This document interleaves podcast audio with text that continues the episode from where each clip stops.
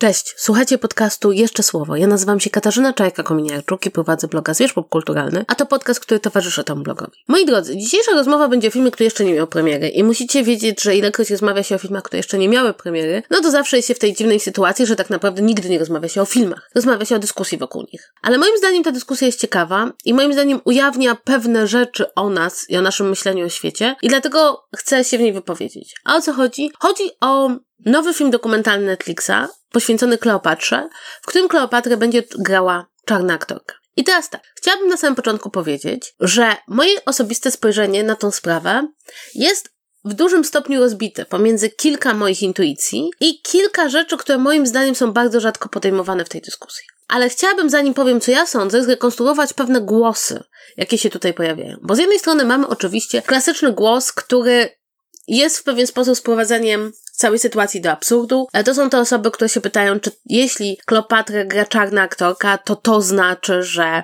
Martina Luthera Kinga może zagrać dowolny aktor, nie wiem, może Tom Hanks go zagrać i to będzie ok. To oczywiście o tyle jest bez sensu, przynajmniej moim zdaniem, że jest to sprowadzenie do jednego momentu dwóch bardzo różnych rzeczy. No, w przypadku Martina Luthera Kinga jego kolor skóry był kluczowy. W przypadku Kleopatry nie tak bardzo, o czym zaraz będę jeszcze mówić. Ta grupa osób najczęściej to są dokładnie ci sami ludzie, którzy chociażby kłócą się, że mała syrenka musi być biała, bo zawsze była biała. Kwestia tylko polega na tym, że mała syrenka nie istnieje.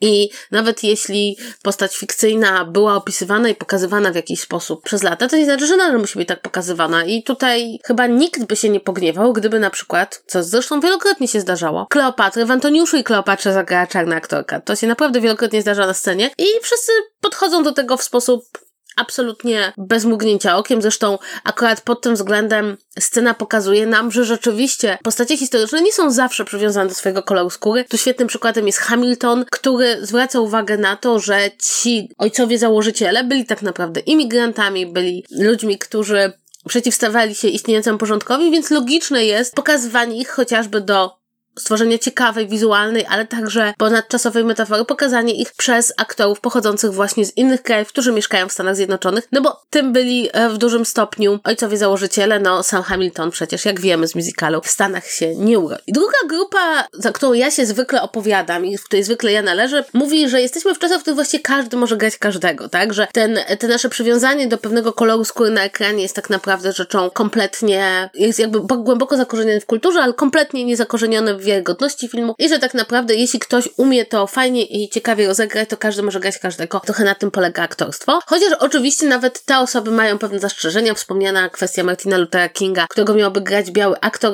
Wydaje mi się, że jeśli ktoś chciałby zrealizować taką produkcję, musiałby znaleźć bardzo dobre uzasadnienie, dlaczego to robi i dlaczego akurat w takim kontekście i tak, a i tak pewnie spotkałoby się to z bardzo dużym sprzeciwem. Jest ostatecznie grupa, z którą ja się trochę solidaryzuję, to znaczy e, grupa, która mówi, okej, okay, dobrze, wiemy, że w historii Egiptu byli czarni władcy, czarne władczynie, ale to akurat nie była koniecznie Kleopatra, ponieważ nie wiemy, jakiego koloru skóry była Kleopatra tak naprawdę do końca. Natomiast wiemy, z jakiej dynastii pochodziła, z dynastii o korzeniach macedońsko-greckich, co no, sugeruje nam jeśli nie ponad wszelką wątpliwość, to jednak bardzo mocno, że no nie była czarna, że po prostu wywodziła się z innej grupy etnicznej, która tam mieszkała. Nie znaczy to też do końca, że była biała, bo tak naprawdę to chyba jest największe kłamstwo, że my sobie tam wyobrażamy, że wszędzie biegali ludzie, którzy wyglądali jak, nie wiem, blond anglosasi. No, blond anglosasów tam chwilowo jeszcze nie ma. Bardzo trudno nam sobie wyobrazić, że ci ludzie wyglądali po prostu inaczej, pochodzili z innej części świata. No potem rzeczywiście popkultura wszystkich wybieliła niesamowicie. Ja natomiast mam wrażenie, że musimy sobie zawsze w przypadku filmu dokumentalnego, bo to jest film, który chce być dokumentalny, zadać pytanie, kto wysyła jaki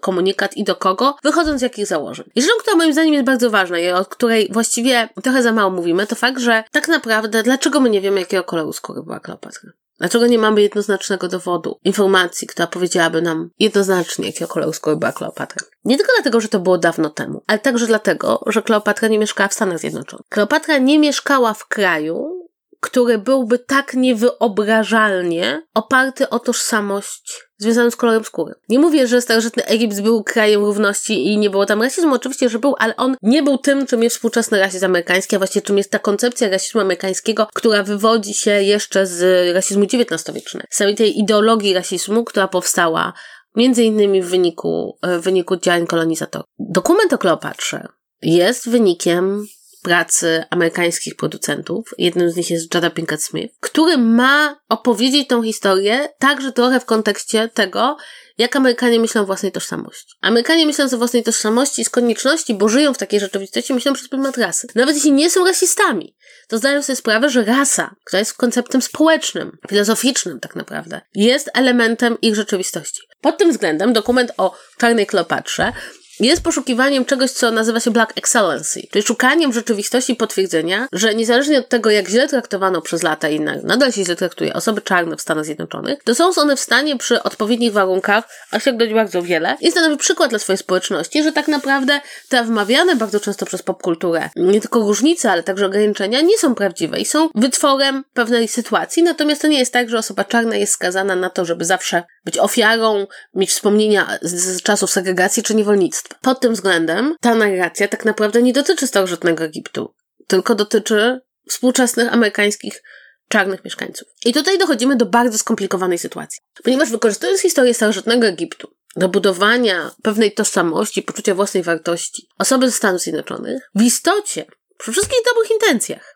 jest to działanie kolonizatorskie. Jest to działanie, które nakłada na narrację afrykańską i egipską tą ważniejszą, bardziej popularną, odcierającą dalej czapę interpretacji amerykańskiej. To amerykańskim czarnym mieszkańcom potrzebna jest czarna Kleopatra. Jest im potrzebna, ponieważ żyją w rasistowskim kraju i potrzebują przykładów, które stawiałyby opór pewnej wizji przeszłości, w których albo ich nie ma, albo są wyłącznie niewolnika. Jednocześnie pomijając w tej narracji samych Egipcjan i Afrykańczyków współczesnych. I o tym, jak bardzo niepokojąca jest to narracja, świadczy chociażby fakt, że wśród ekspertów wypowiadających się w dokumencie, który widzimy w trailerze, jest pewna egiptolożka, która wraz ze swoim mężem, także egiptologiem, pracując właśnie jako archeolożka, egiptolożka, ubiera się w cosplay, no, takiej badaczki lat 20-30, może z końcówki XIX wieku. No i oczywiście to jest Straszne, dlatego że przecież to nie były piękne, wspaniałe czasy, chyba że byłeś Anglikiem w Egipcie, który cieszył się wszystkimi przywilejami kolonizatora. Dla ludzi, którzy są w obecnym Egipcie, jest to niesłychanie kolonizatorskie, rasistowskie, paskudne zachowanie. Ale nie jest takie dla Amerykanów, ponieważ oni nie należą do grupy kolonizowanej, tylko bliżej im jest do kolonizatorów. Współcześni Egipcjanie i współcześni Afrykańczycy nie liczą się tak bardzo jak ci z przeszłości, ponieważ współcześni nie dostarczają tych argumentów, które są potrzebne Amerykanom. Tak naprawdę nie liczy się Egipt i nie liczy się Afryka, liczy się to, ile z tego współczesny Amerykanin może sobie wziąć i zbudować na tym swoją tożsamość. A to znaczy, że jest to działanie kolonizatorskie. Co więcej, przekładające amerykański sposób interpretowania historii przeszłości na historię innego kraju. Oczywiście, dla osób mieszkających w Afryce także jest mnóstwo momentów, w których na pewno patrzą na swoją historię i myślą sobie, hmm, mam wrażenie, że ktoś tutaj coś wykasował, ktoś tutaj coś zmienił. Wszystkie historie pisane są przez bardzo konkretne grupy społeczne, które często działają na własną korzyść. Egipcjanie i Afrykanie nie patrzą na swoją historię przez pryzmat taki sam, jak Amerykanie patrzą na ich historię. Patrzą chociażby nie tylko przez pryzmat rasowy, ale także narodowy. To trochę tak jak to myślenie o Afryce, tak? Jak ludzie, którzy są w Stanach Zjednoczonych, szukają swoich korzeni w Afryce i mówią, znalazłem swoje afrykańskie korzenie. Nie ma afrykańskich korzeni, są krajowe korzenie. Kongijczyk różni się od Nigeryjczyk, różni się od Etiopczyka, Etiopczyk od Senegalczyka. Oczywiście Afryka ma problem i napięcia rasowe. Oczywiście, jak każdy kraj, to są przecież zwykli ludzie. Ale też nie identyfikują się przecież oni tylko i wyłącznie przez swój kolor skóry czy kontynent, na którym żyją, ale posiadają przede wszystkim dosyć mocne identyfikacje narodowe. Lub jeśli kraj jest akurat podzielony na mniejsze grupy plemienne, to chociażby identyfikacje plemienne. Zresztą to nie jest dziwne, ponieważ ich historie są drastycznie różne, sytuacje, w których są, są różne. Nie szukają, nie potrzebują także takiego potwierdzenia, że osoba czarna może zostać prezydentem czy premierem, ponieważ mają to dosłownie pod ręką. Coś, do czego Amerykanie nie mają tak prostego dostępu, ponieważ u nich sytuacja wygląda inaczej. Mamy więc do czynienia z sytuacją bardzo skomplikowaną, ponieważ z jednej strony oczywiście moglibyśmy powiedzieć, to nie ma znaczenia, tak? No jakby wiemy, że film dokumentalny nie jest tak naprawdę historią niepozbawioną ideologicznego wydźwięku, wręcz przeciwnie, jest kreacją niemalże równą fikcji. To, że opowiada się po stronie wykorzystania faktów, to jeszcze nie mówi, że te fakty dobiera zgodnie z jakąś ideologią. Więc z jednej strony mamy tutaj afirmację, ale afirmację czyimś kosztem. Fakt, że sami Egipcjanie czują się pominięci w tej narracji, dość dobrze pokazuje to myślenie o tym, kto jest ważny, a kto nie. Z jednej strony jesteśmy gotowi przyznać, że Kleopatra, królowa, mogła być czarna.